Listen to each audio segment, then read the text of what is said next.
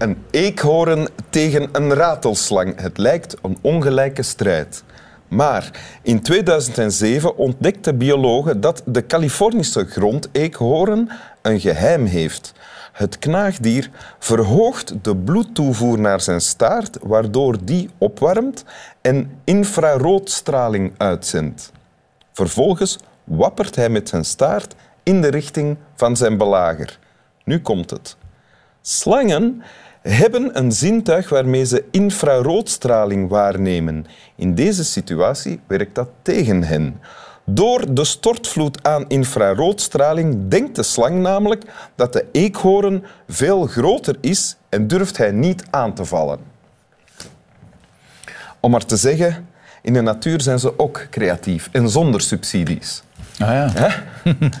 Welkom Swami Bami, welkom Sven Gats, Hallo. Vlaams minister van Cultuur, Media, Brussel en Jeugd. Ja, Voilà. U hebt een tekst meegebracht. inderdaad. Wil u die voorlezen? Graag.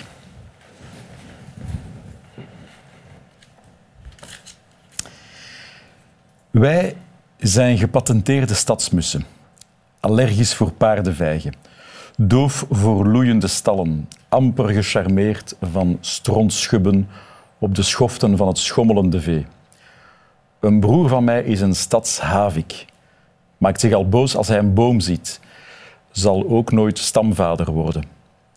Wij werden dus uitgedreven richting Brussel, waar ik sinds mijn twaalfde levensjaar woon en werk. Uit de buurt waarvan ik me nooit ver waag.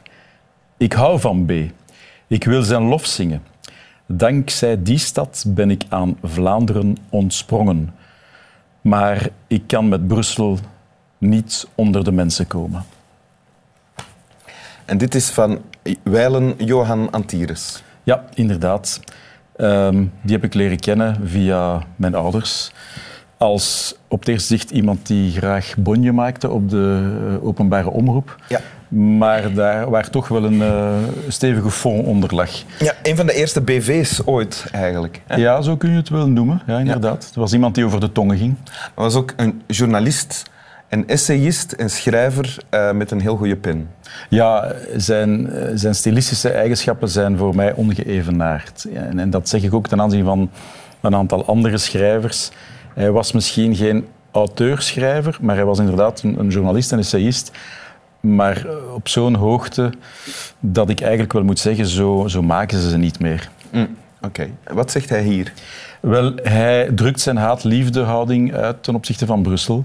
En ik kan me daar heel goed in herkennen. Veel Brusselaars trouwens. Daarin, dat moet ik u zeggen, verschillen Antwerpenaars trouwens van Brusselaars. Antwerpenaars behoren tot de soort mensen die, en daar is niks mis mee, hun stad door dik en dun verdedigen. En Brusselaars zijn eh, zelfkritischer, hebben wat meer zelfspot, soms iets te veel. En ja, er is natuurlijk ook wel wat aan te merken op Brussel, op Antwerpen ook trouwens, maar dat is weer een ander verhaal. En hij kan dat heel goed eh, beschrijven. Hij legt echt die, die vinger op de wonden.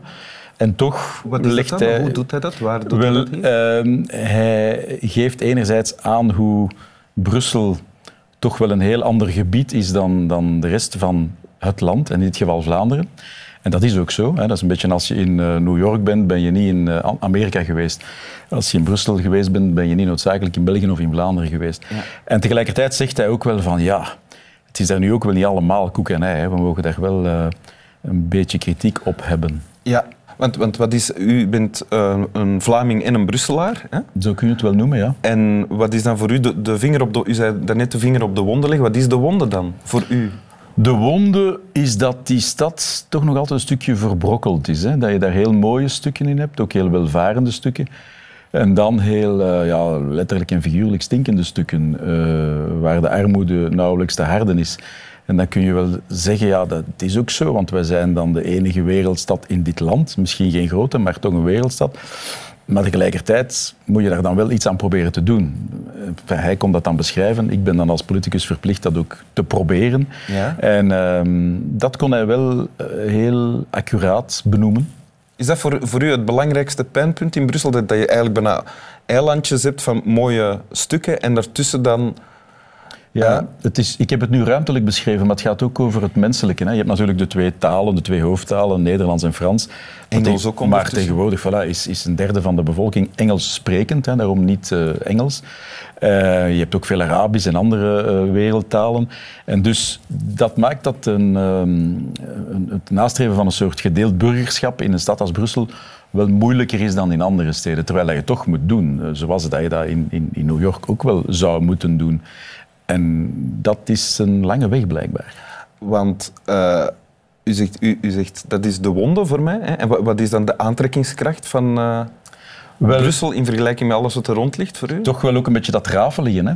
Ehm, het, het, heeft ook wel iets, vind ik, eh, dat onaffe. Hè? Ik kom in andere steden die weliswaar veel kleiner zijn, in Vlaanderen, waar ik heel graag kom en waar ik merk van... Hier hebben ze wel alles netjes op een rijtje. Alles is mooi. Hè. Je kunt er soms net niet van de straat eten. Ik overdrijf nu. Hè. Eh, ja. maar, ja, nee, maar dat, zo komt het wel over. Als je dat vergelijkt met Brussel, dan is dat wel zo. Ik ga geen namen van, an- van steden noemen, anders lijkt het lijk ik alsof ik eh, op kleinere steden neerkijk. En dat is niet het geval. Hè. Ik kom er ook graag. Maar ehm, soms krijg je wel het gevoel, dat is hier wel heel erg af. Hè. Hier mag geen, geen steen meer naast een andere En dan verlegd mist, worden. dan mist u een beetje de, de- het vuil en het rafelige van... eh, Ja, toch wel, ja. Dat kun je missen. Ja, ja. Ik, ik heb zo ook bijvoorbeeld vijf jaar in, eh, in Leuven gestudeerd, omdat Brussel iets te dichtbij was voor mij. Ik heb me dat niet beklaagd, dat was fijn. Maar daarna wou ik toch wel terug naar Brussel. Hoor. Dan had ik het wel gehad. Dus om dat te behouden mag uw job als minister van Brussel niet al te goed doen eigenlijk. Ja, eigenlijk is dat ook weer een paradox. Maar enfin, eh, ons best moeten we toch wel doen. Maar dat klopt wel.